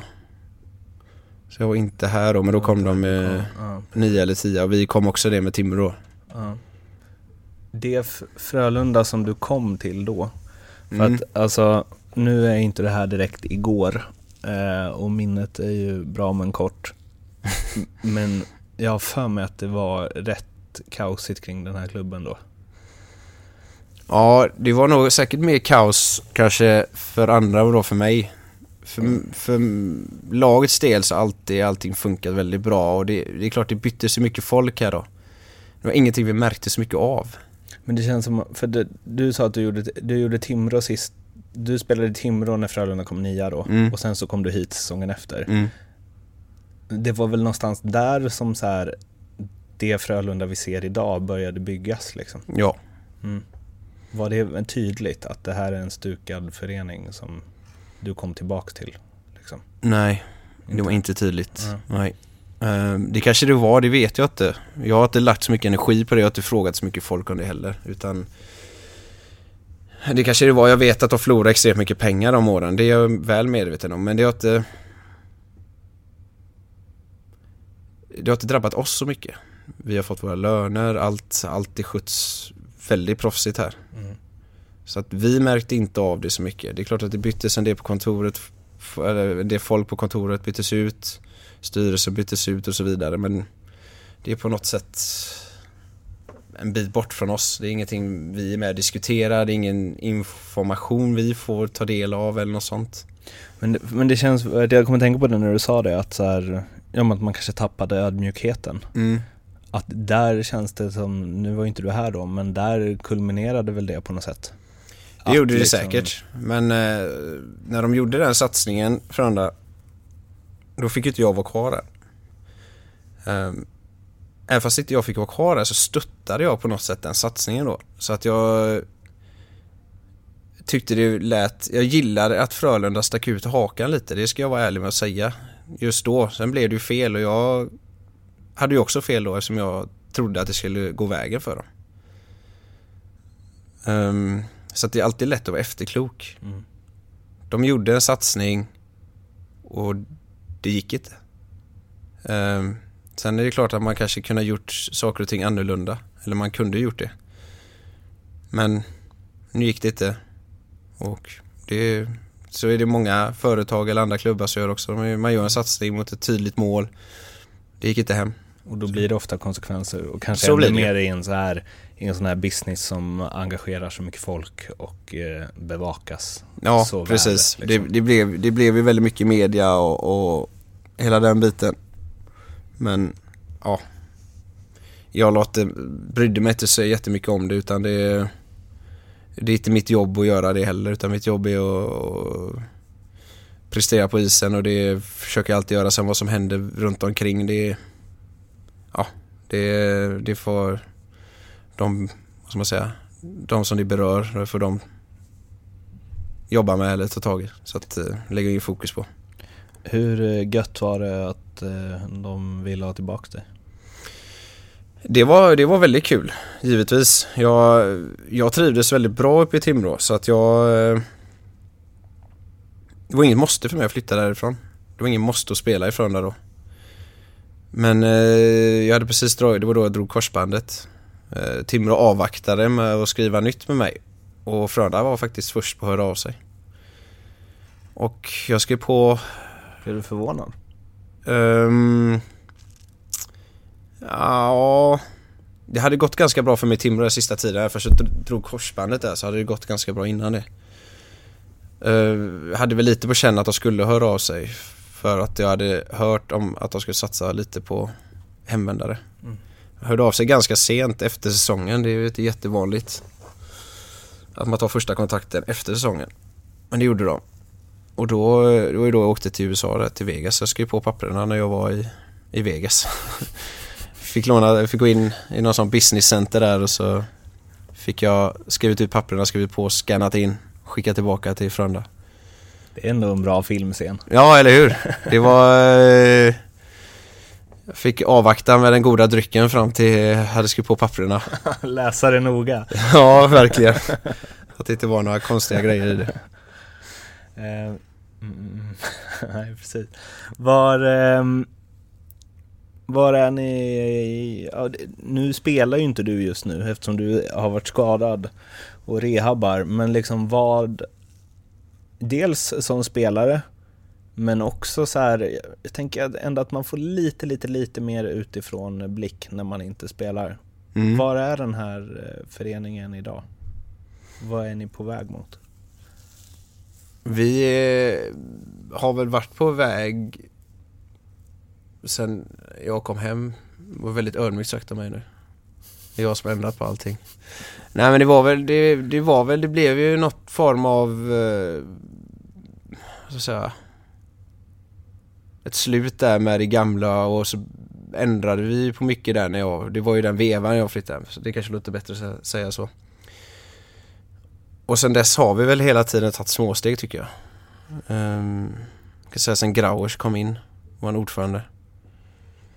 Och nu uh, har vi visat oss hela säsongen att vi har etablerat oss till ett, man säger NHL contender. Mm. Ett lag som ska vara med och slåss om guldet varje år. Ehm, och det tycker jag, nu åkte vi i och för sig ut i kvartsfinal ena året och semi förra året men jag tycker vi har blivit ett lag som man kan räkna med varje år och det är det vi, vi vill vara. Jag fattar att det här är svinsvårt att svara på. Men eh, du säger att ni har tagit steg varje år. Vad är det sista lilla steget som Skellefteå har tagit ett par säsonger som Växjö tog i fjol, Mm. som ni har kvar att ta? Att vara Att få alla pusselbitar på plats. När det gäller. Mm. Hur, Ja, hur gör man det då? Precis. Det är det som ta- 14 lag nu är det ju. Ja. Försöker lista ut. Det är ju som man tränare brukar säga, det är ju bara ett lag som blir nöjd efter varje säsong. Men kan, kan man som spelare i ett motståndarlag då, som du då när du spelade i Frölunda, Mm. när, när ni mötte Skellefteå de två säsongerna som de eh, eh, vann. Alltså då, de dominerade ju verkligen. Kan man som motståndare där se varför de gör det? Eller är det bara så här, ja de har bra hockeyspelare? Eller finns det någonting som man får en feeling av att shit, här har de ordning och reda på saker och ting? Nej, det tänkte jag inte så mycket på faktiskt. Vi eh, har väl alltid spelat jämnt mot Skellefteå med Frölunda alla år egentligen. Mm. Eh, Sen är det väl att de kan hålla en hög nivå hela tiden. Ehm, för tre, fyra år sedan här kunde vi, visst vi kunde slå Skellefteå borta med 5-2 men sen förlorade vi nästa match hemma. Medan de Medan de- fem raka. Ja, exakt. exakt. Så att eh, det, är väl, det är väl skillnaden. Sen varför det, det, det vet jag inte. Det, det krävs ju väldigt mycket. Både träning och... Eller att man är tränad och mentalt och allting för att orka hålla på så år ut och år in. De gör, de gör ju givetvis någonting otroligt bra som kan vara där uppe hela, hela tiden. Ehm, jag vet inte vad det är som gör att de är så bra. Det kan jag inte säga vad det är. Jag kan inte ta på någonting. De, de har väldigt bra spelare, de har fostrat väldigt bra spelare. De har en kontinuitet. Det är väl det då. Mm. Det är väl egentligen genomgående de lagen som har vunnit senaste... Sen jag har hängt med i alla fall senaste 15 åren. Mm. Um, eller förutom Växjö då egentligen. Mm. Annars har ju alla, när Färjestad och HV, de hade ju spelare som varit där flera, flera år. De visste vad som gällde. Växjö bara lassade in massa pengar. De, eh, ja men de fick ihop det. Inte- det, det ska väl sägas också att eh, så många olika spelare från olika länder. Fan en konst att få det att Ja, funka. alltså. verkligen. Det, hatten av för det alltså. Mm. Det, det är imponerande. Trot eller ej, men vi ska prata om att eh, du har en storebror som också Mm. spelat hockey. Hur eh, var det att eh, själv spela hockey och växa upp och prestera och så vidare samtidigt som att man har en storebrorsa som spelar i det laget man håller på och som spelar i NHL? Eftersom jag var så pass ung när han gjorde det så blev det så naturligt i min vardag. Så därför så tänkte jag inte på det direkt att Oh shit, nu är han ifrån det eller nu är han i Boston eller landslaget eller vad det nu var.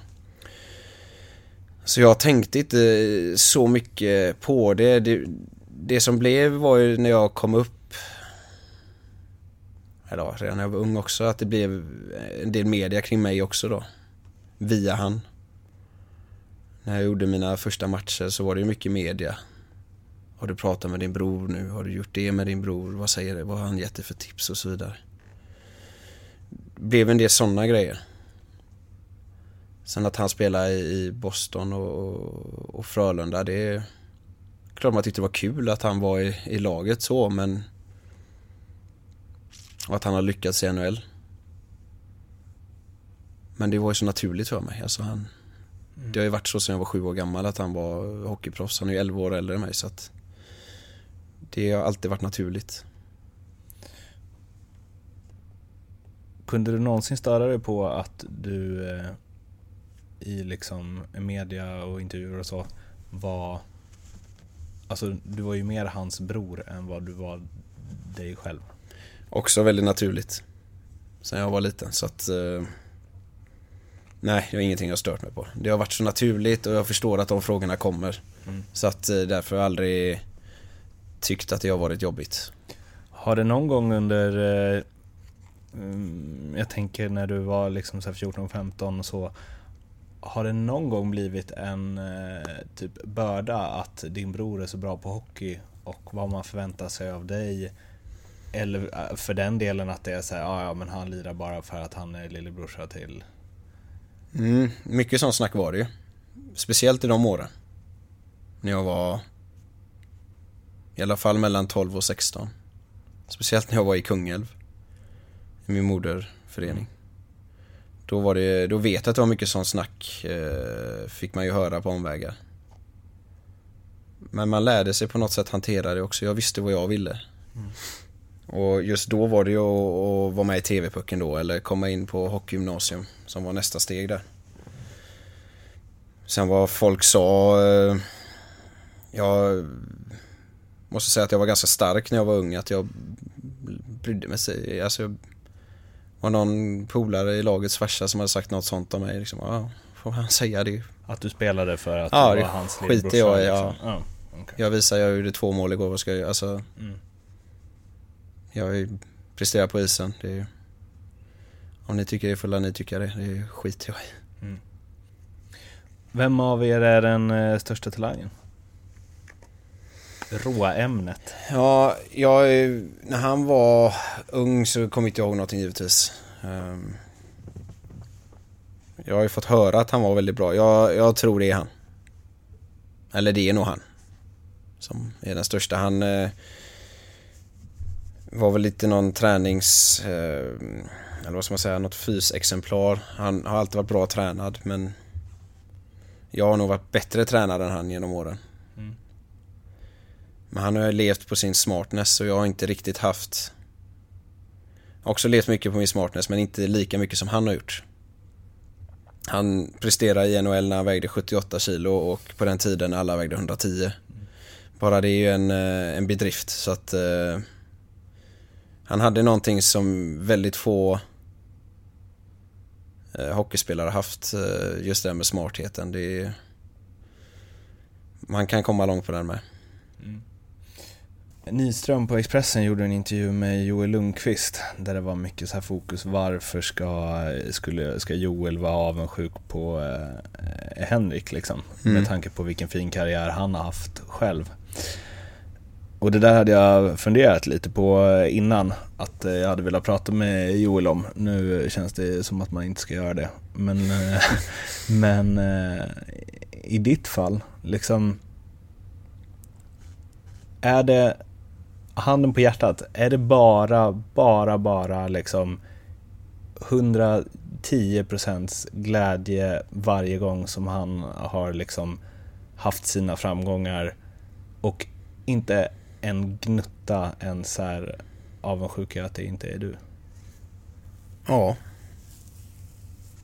Han är så pass mycket äldre än mig och vi har varit på helt olika eh, epoker egentligen. Så att det går inte att... Det går inte att tänka, alltså när han vann OS-guld då var jag 20 år, jag hade aldrig kunnat vara med där. Ja. Ehm, eller när han uh, vann SM-guld, ja, då var jag ju, men då var jag 18. Det är också så här, jag kunde aldrig varit med där. Mm. Jag hade gärna vunnit OS-guld. Ehm, och chansen till att jag kommer göra det är ju... Jag vet inte ens hur, finns något tal för hur liten den är. Men eh, Riktigt bra utdelning om man sätter en Ja, hundring på det. ja, det är det. Då vinner du nog miljard, flera miljarder. Så att, eh, men SM-guld är ju det jag siktar på. Det är klart att jag eh, inte avundsjuk på att han vann just då, utan mer att han har fått vinna det och det vill jag också vinna. Men just när han vann SM-guldet eller OS-guldet var jag extremt glad. Dels för att han spelar i två lag som jag håller på extremt mycket, svenska landslaget och Frölunda. Så att jag blir ju glad egentligen för hela lagets skull. Och sen plus att han var med i, i de lagen också givetvis. Så att eh, aldrig känt någon avundsjuka på att han, nej det har jag faktiskt aldrig gjort.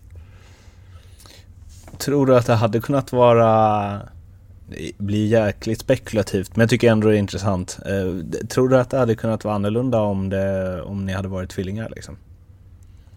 Och gjort allt samtidigt hela tiden? Jag tänker så här, om Daniel hade varit svinbra och Henrik inte. Ja precis, att den ene blir, Ja. det är ju väldigt sällan. Ja, det är möjligt. Det, var, det vet jag inte. Det vågar jag inte ens fundera på. Det var... Nu är vi inne på djupa frågor här märker jag. Då tänker jag så här, de är exakt så här, ni är ändå ganska lika, mm. ganska likadana förutsättningar och eh, den ena lyckas totalt medan den andra spelar i division 2. Ja, precis. Alltså, jag fattar att man älskar sin brorsa och att man gläds åt det, men ja. Hade det varit sådana extrema, jag får väl ändå, jag tycker väl ändå att jag har lyckats. Så att, eh, så att därför har jag inga problem med det. Är möjligt att jag hade varit mer avundsjuk om jag hade spelat division 2. Mm. Vad är det jag har missat här på mm. vägen mm. som han Som, han, han snappade upp. Ja, liksom. exakt. Vilken gen. Nu är det ju inte, nu... Eh, eh, från mig till han var ju inga extrema skillnader. Mm. Det är inga extrema grejer jag måste göra jämfört med en, en NHL-spelare. Jag har ju i stort sett samma fysvärden och så här. Det är bara att jag är sämre, mm. kort och gott än en NHL-spelare. Så att, men det är ju inte några hästlängder vi snackar. Nej. Hade jag varit i division 2 eller inte spelat, då hade vi ju snackat hästlängder. Men jag tänker också att det är så här, eh, som du säger att du är sämre än dem. Jag tänker också att det är så här, ja, i vissa fall. Ja, du kanske inte är lika bra som din brorsa var. Men ibland känns det som, visst fan finns det spelare i NHL som du är lika bra som, som var, där, som var på rätt plats vid rätt tillfälle och presterade i rätt match. Ja, lite alltså, så, men det är väl säkert, jag presterar ju i rätta matcher också när jag var ung som gjorde att jag är här, där ja, jag är nu precis. så att, eh, men... Eh, det är det jag menar, att det är ju inte bara, eller liksom, det är ju inte så jävla långt bort egentligen. Nej, det är det inte. Så att, eh, tror jag inte i alla fall. Jag har ju inte varit här. Mm. Men jag brukar hävda att om jag hade varit bra nog för NHL så hade jag varit där. Mm. Det hade jag, samma med landslag och allting. Hade jag varit tillräckligt bra så hade ju inte någon tackat nej till mig. Mm. Nu har inte jag varit tillräckligt bra. Det är egentligen inte svårare så. Mm. Uh, så det är ingenting jag är bitter över för att just för de mm. grejerna att hade jag varit tillräckligt bra så hade jag gjort landskamper, hade jag varit tillräckligt bra så hade jag spelat i NHL. Det är svårt att säga att någon tackar nej till en tillräckligt bra spelare. Det gör man ju inte.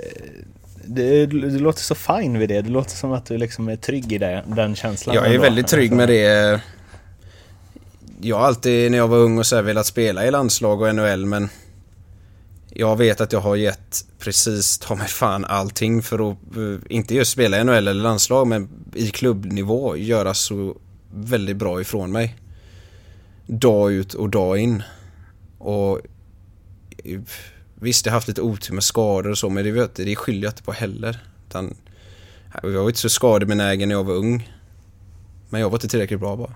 Det och det är jag väldigt fin med. Det, jag trivs jättebra med att spela i Frölunda eller Timrå förr och kan leva på det. Det är fantastiskt tycker jag. Extremt många som inte kan göra det. Som hade Exakt. velat göra det. Ja, så att eh, jag är väldigt tillfreds med hur mitt liv ser ut och min hockeykarriär ser ut.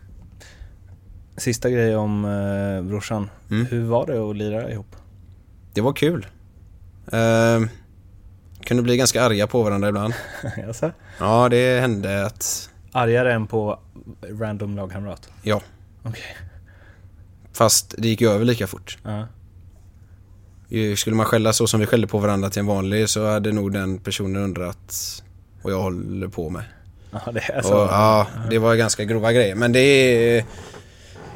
Vi har väl eh, ganska högt i tak jag och brorsan och har en speciell jargong så att... Eh, för oss var det inga konstigheter. Vem skällde mest på vem? Jag skällde nog mest på han tror jag. Alltså? Mm. Lillebror alltså? Ja, det tror jag nog. Vad då? då? Vad, vad, vad gjorde han fel? Eh, på matcher var han väldigt bra, men inte alltid på träningarna kanske. okay. Han eh, eh, var väl inte alltid så sugen på att träna, medan jag var det. Aha, okay. Och då kunde jag brinna av lite. Jag har alltid haft uppfattningen om honom att han är en sån som gillar att träna. Han gillar att träna men när han var 37 och vi hade en, eh, en lättare träning. Jag förstår han egentligen men jag vill ju ta tillvara på de här lättare mm. träningarna och visa vad jag gick för. för mm. Ärlighetens namn så är det klart att man vill upp i hierarkin. Mm. Jag har väl aldrig varit högst upp på hierarkin direkt. Och då försöker jag ta tillvara på varje tillfälle som ges. Um, Medan han 37 år kanske vad, vad, Been there. ja, vad ska jag, jag ska inte upp i någon hierarki eller någonting. Jag, Inget att bevisa. och så, Nej, liksom. så han kunde väl i stort sett stå och prata med någon på läktaren mitt under en övning och så skulle vi åka ihop och då kunde jag brinna av då att det där kan du väl för fan göra efteråt. Ungefär. Så att, eh, men han eh, hade inga problem att träna så.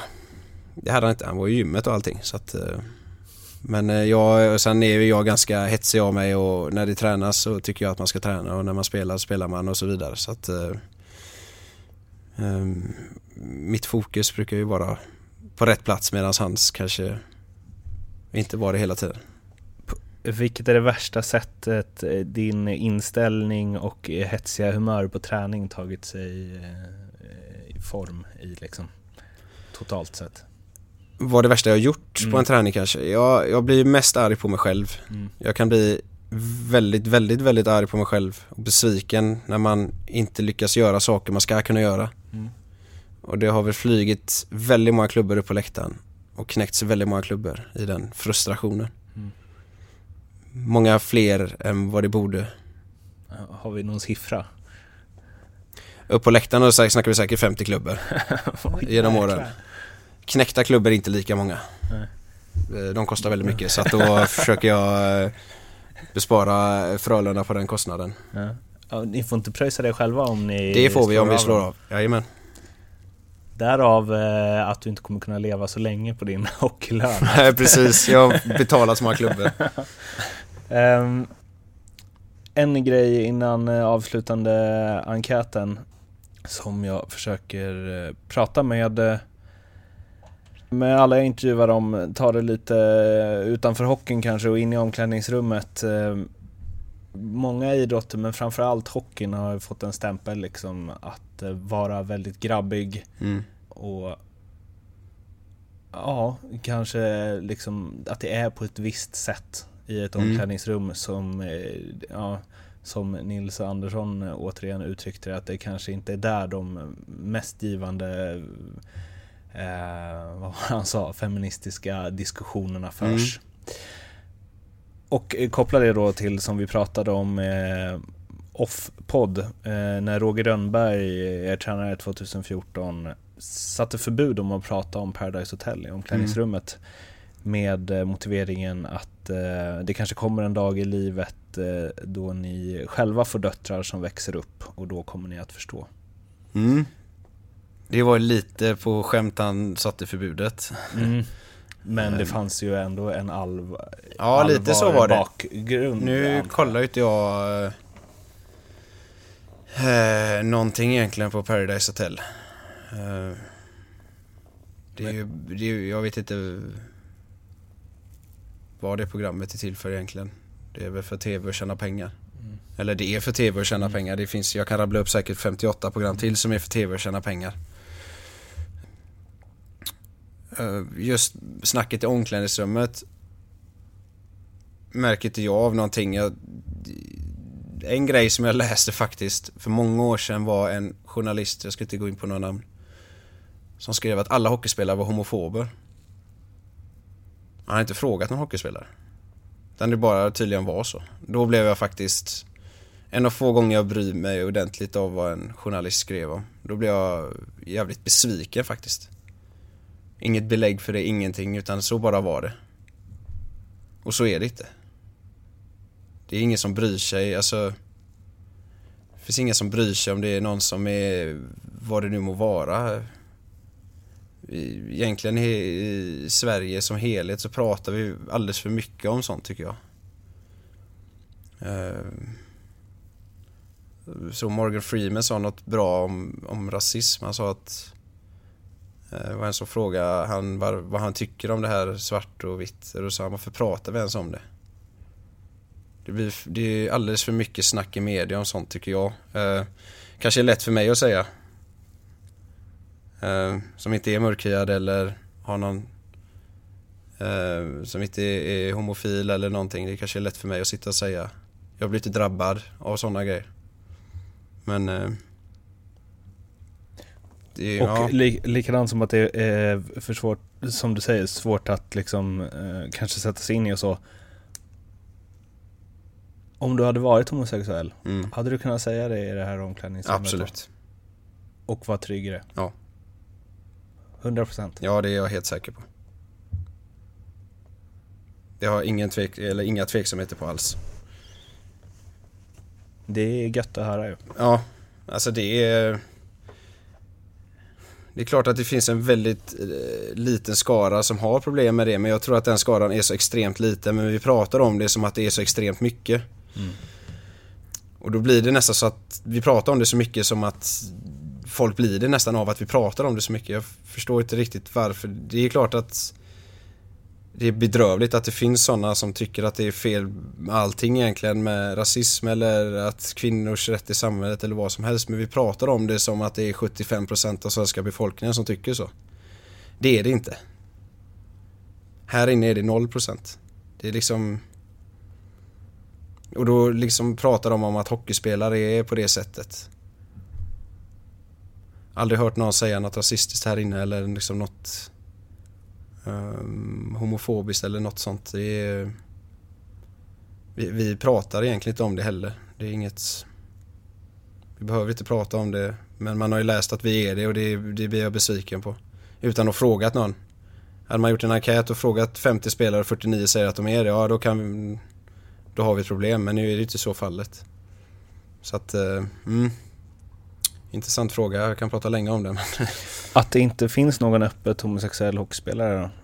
Och det kan ju också Mm. vara så att det inte finns någon homosexuell hockeyspelare, eh, i alla fall inte på här sidan För att den, om det nu inte gör det så kan man ju tänka sig att det är för att den personen någonstans under tiden den har spelat hockey i ungdomsåren eller så har droppat av för att den Mm. kanske inte känner sig hemma i den miljön.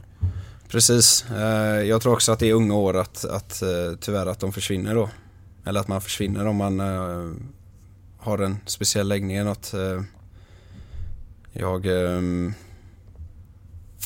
har inte hört någon som, som jag har spelat med unga år som har gått ut än.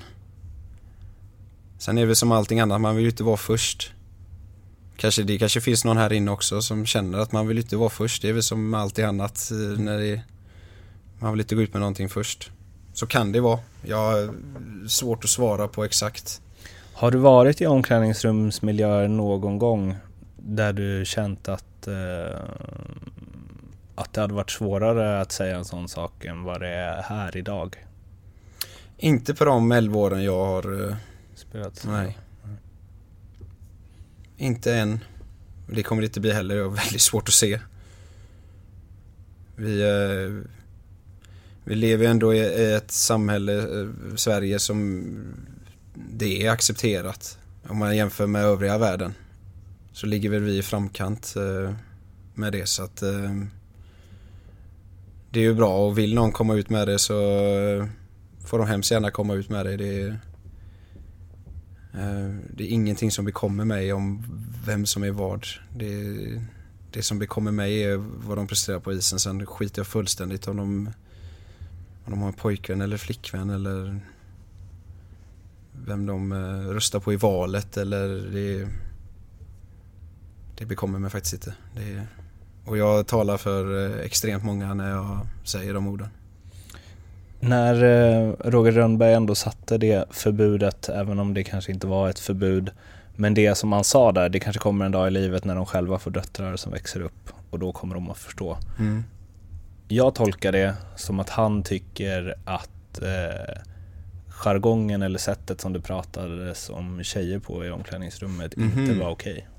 Det var nog inte, det är nog jargongen som är i eh, Paradise Hotel som inte han gillar tror jag. Okej. jag vi, eh, eller när jag har hört folk prata om Paradise Hotel så pratar de mer om vem som ska åka ut eller vem som ska vara kvar. Mm. Inte om eh, det är någon tjej eller kille som har gjort något speciellt. Eller jo, så kan det ju vara, men inte just om tjejer då. Mm. Hur de är i, det har jag inte hört något speciellt om så. Det kan jag inte säga, utan det är mer allmänt om Paradise Hotel då, eller det är, det är inte bara det programmet som florerar utan det kan vara andra Mm. realityprogram. Enkät, avslutning. Eh, Yes. Den bästa du spelat med, Niklas Andersson. varför då? Han hade allt, i stort sett. Det. Fan vilken hockeyspelare alltså det var. Det är helt sjukt vad han kunde göra med en puck och, och hitta lägen, komma... Kunde gå in först i närkampen med de som var två huvuden högre och ändå komma ut med pucken och... Nej, det var fantastiskt att spela med han och det, han var ju min idol. Han är ju från Ytterby där jag är ifrån. en liten håla på 6000 personer. Så det var ju min idol när jag växte upp. Han är ju 15 år äldre än mig. Och så fick jag äran att spela med honom två säsonger. Det var stort. Den bästa du har mött? Och då inte så här vad, vad den personen har för eh, CV utan där du har känt att det här är den tuffaste spelare som jag har mött. Oj. Jag har ju mött Foppa en gång. Men det var ju en gång. Då snackar vi mer på CVt än... Mm. Det är svårt att inte nämna han nu. Mm. Jag hade några jätteproblem med uh, Zuccarello när han var i Modo. Jag skulle markera han varje match. Och jag kom fan inte åt han alltså. Och han hånade mig varje gång också. alltså gjorde han det? Han var ganska less på mig att jag åkte och jagade han. Mm. Men eh, det spelade inte stor roll att jag jagade han för han gjorde sina poäng ändå. Mm. Han eh, skulle jag nog säga var den jag, som var tuffast att möta för han var så liten och han var orädd. Så han gick gärna in i situationer. Ofta, ibland när man möter mindre personer så blir de rädda, när, eller rädda, men de aktar sig lite. Mm. Men det gjorde aldrig han. Mm. Um, och han och det störde mig också att han inte gjorde det. Så att jag kom liksom, han gick in först i situationer och hitta pass och allting samtidigt. Och det spelar ingen roll hur hårt jag tacklar han eller jagar han. Han fortsatte hela tiden ändå. Mm. Så att... Um, och gick oftast vinnande. Ur uh, våra möten om man säger om mot han så att... Uh, jag får säga han. Du är alltså inte förvånad över att han är där han är? Nej, inte ett dugg. Det måste ju också kännas skönt. Att det är, så här, det är fler än du som hade problem där. ja, precis. Jag var nog inte ensam som hade problem med han. Det hade varit värre om man hade lirat i Borås nu. Ja, precis. Det hade varit liksom din kryptonit. um, den bästa lagkompis du haft om vi ser till liksom kanske inte bara som hockeyspelare utan om du skulle starta upp ett hockeylag och en sån här person vill jag ha i omklädningsrummet och eh, bredvid mig i båset liksom. Åh, oh, shit vad många jag kan räkna upp där. Johan Bagan Andersson tror jag. Vad utmärker? Som fick sluta eh, allt. Fantastisk kompis. Eh, bra ishockeyspelare. Um, offrar sig för lagets skull i alla lägen. Inte i många lägen utan i alla lägen. Så att jag skulle nog välja han. Och så skulle jag välja han som kapten. Hur mycket tjänar du? Det får jag tyvärr inte säga. Det står i eh, avtalen, vi får inte yppa. Så hade du velat ha öppna löner som NHL? Inte så som eh, svenska eh, samhället på men så som det är i Sverige så funkar inte det. Okay. Alldeles för mycket jantelag i Sverige för att det ska funka. Hade folk lackat ur på din lön? Ja. Okej. Okay. Är du nöjd med din lön? Ja. Din största framgång inom hockeyn? TV-pucken var ju stort på den tiden. Vi var ju första Göteborgslaget som vann. Nå någonsin? Ja. Aha. Ett lag efter oss tror jag. Kommer inte ihåg vilken årgång. Eh, så det var ju väldigt stort. Uh, annars ska vi säga J20-guldet där, lockout-året. När vi slog Roger Rundbergs Luleå. Med 9-2 i den andra finalen där. Då hade vi, de jag rabblade upp innan där var ju med då. Det är nog... får nog dra upp ett gammalt J20 SM-guld som det största jag har vunnit. Det är, eller, ja. Det, men det är större än ett eh, liksom silver i elitserien? Ja. Avsnitt 15 av NordicBets podcast Tek är där i hamn. Anton Axelsson bjöd på 1.40 ungefär. Gött snack och jag hoppas att ni uppskattade det. Nästa vecka, eller tidigare än så kanske till och med, så kommer intervjun intervju med Robin Olsson, Tingsryds lagkapten och eh, stora, eh, med stora klubbhjärtat. Tills dess hoppas jag att ni har det bra så hörs vi helt enkelt. Ciao!